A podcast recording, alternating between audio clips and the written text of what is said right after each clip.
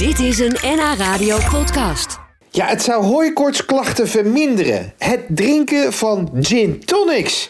Ja, op social media barst het van de berichten dat het drankje fantastisch zou werken voor mensen die last hebben van pollen en grassen. Ja, dat gin vroeger werd gezien als een heilzaam drankje, dat is niet nieuw. Maar hooikoorts, ja, dat moest ik natuurlijk even uittesten. Nou, ik kwam uit bij de man die alles weet van gin. Heemskerken Louis van Herpen van The Spirit of Wine. Hey Louis! Nou, ik ben blij dat je even een keertje niet direct aan het spelen bent als ik binnenkom.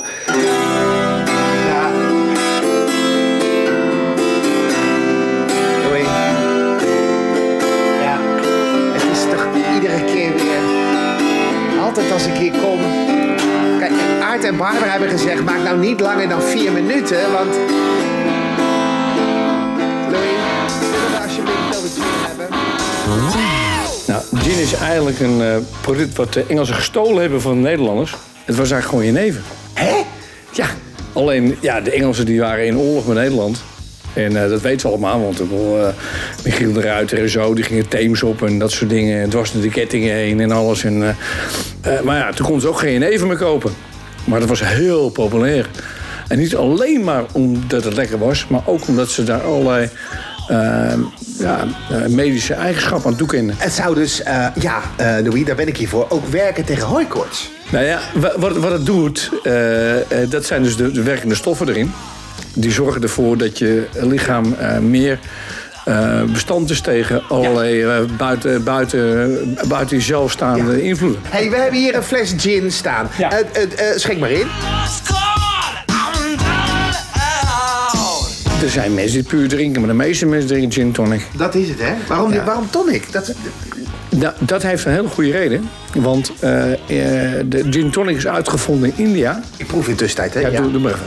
En die ehm, eh, in India Zo. Ja, dat is pissig, hè? Ja. Zonder tonic. Ik krijg gelijk rode ogen, maar dat is niet van hooikoorts. Nee. Maar in India hadden ze ontzettend veel last van de malaria. Gaat gewoon door, hoor. Ja. En malaria kun je onderdrukken met kinine. En Ja. kinine komt van de kininebast, van de, van de bomen die er groeien. Ja. En daar gingen ze tonic van maken. En om het nou toch een klein beetje gezellig te maken... deze eh eh ja, jenever waar gin doorheen. Oh. Nou, ik heb nu een slokje genomen. Nou, heerlijk. Wacht eventjes, ik ga even naar buiten. Blijf daar staan, Louis.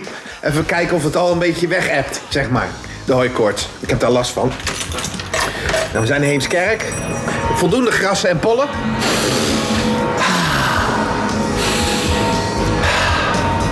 Blijf weer even staan.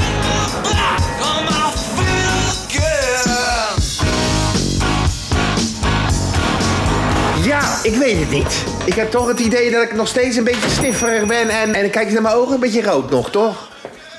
Nou, je ziet er sowieso niet uit. Nee, nee, dank je, dank je. Louis. Dan neem ik nog een slokje. Wat vind jij nou, als jij nou gin zou, eh, als je dat nou in de categorie dranken zou moeten plaatsen, zat die dan een beetje voorin of achterin? Nou, ik vind gin eh, is een nepproduct. Wat gemaakt is door eh, Engelsen die dat dus, eh, het Nederlandse product wilden namaken. En eh, ja, ik ga nu geen merken noemen, maar er zijn Nederlandse merken die, die een, een absoluut veel beter product maken voor een, eh, een lagere prijs. Dus gin is eigenlijk een vrouw die zichzelf helemaal om laat bouwen om mooi te willen lijken, laten zijn. Wat een, wat een leuke vergelijking. Ja, vind ik echt wel prachtig. Ja, ja, ja. Ja, ik heb van die jaren. Ja, op, op spuiten en zo aan alle kanten en eh, dingen inbrengen. gin. En zo. Ja, dat is gin.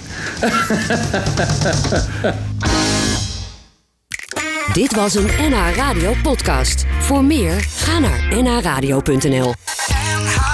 Radio.